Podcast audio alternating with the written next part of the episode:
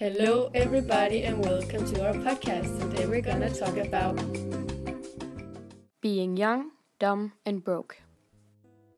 Hi, everyone. Welcome to our podcast. My name is Nana. And my name's Sandra. And as we said, today's topic is young, dumb, and broke. Which basically means that we're going to talk about young people and show a little insight of what goes through us teenagers' minds. So sit back, relax, and let us entertain you. A lot of people have grown up not having a lot of money. Today we're going to talk a little bit about what the difference is growing up with a lot of money and growing up with less money. We both grew up in mediocre families and have lived mediocre lives.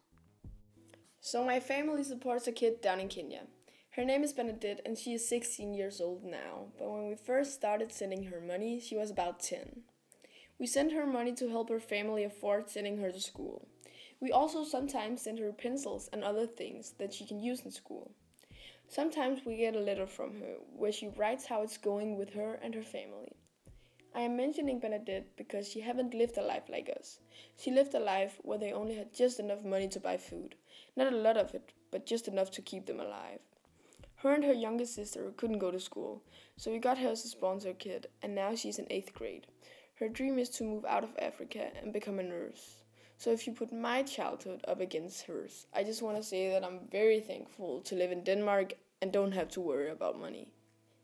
As a little kid, I didn't understand that not everyone had the money to go to school, buy food, and other stuff that we see as normal. But as I got older, I began to understand the severity of some people's situations. What about you, Sandra? Do you know anybody who grew up different from us? Actually, I do. I know this guy named Daniel.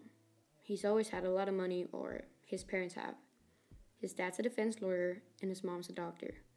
I've always been jealous of how much money Daniel had and that he could literally ask his dad for anything and he would get it every time. But as I got older, I've learned that it isn't always good for you. Daniel's now 16 and he can 100% feel that he always got what he wanted. And now he has some problems with learning that you have to work to get what you want in the real world. He also sometimes wishes that things would have been different about his childhood. But I think he's doing really good, and he's now also got a job and is earning his own money. So, Sandra, do you think growing up with a lot of money is different from growing up like we did or with less money? I mean, nobody's raised the same, so of course there's gonna be difference. Do you think money defines the individual person? Of course it does in some cases, but definitely not always. Let's use Daniel as an example. When he was little, he was very happy that he always got what he wanted, but as he got older, he could see that it did in fact change him as a person. When he realized he wanted to change, so he went out, got a job, so he didn't have to rely on his parents' money. Do you think there's differences? Yes, I do. What are some of them? Well, if you're very poor like Benedict, you can't always afford food, and when you're rich, you never have to think about stuff like that. So we agree on the fact that there is a difference between how you grew up, but there's also some people that change. Like if you grow up poor and then get a job and start earning money and maybe end up really successful. Or if you grow up rich but you spend your money poorly and end up at the bottom.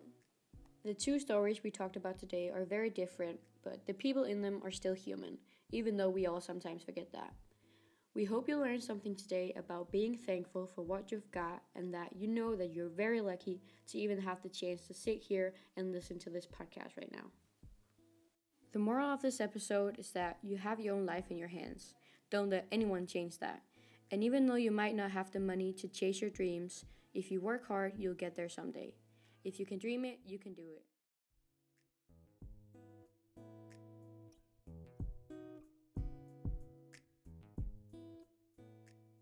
We hope you enjoyed today's episode and we hope you will come back next week. Bye!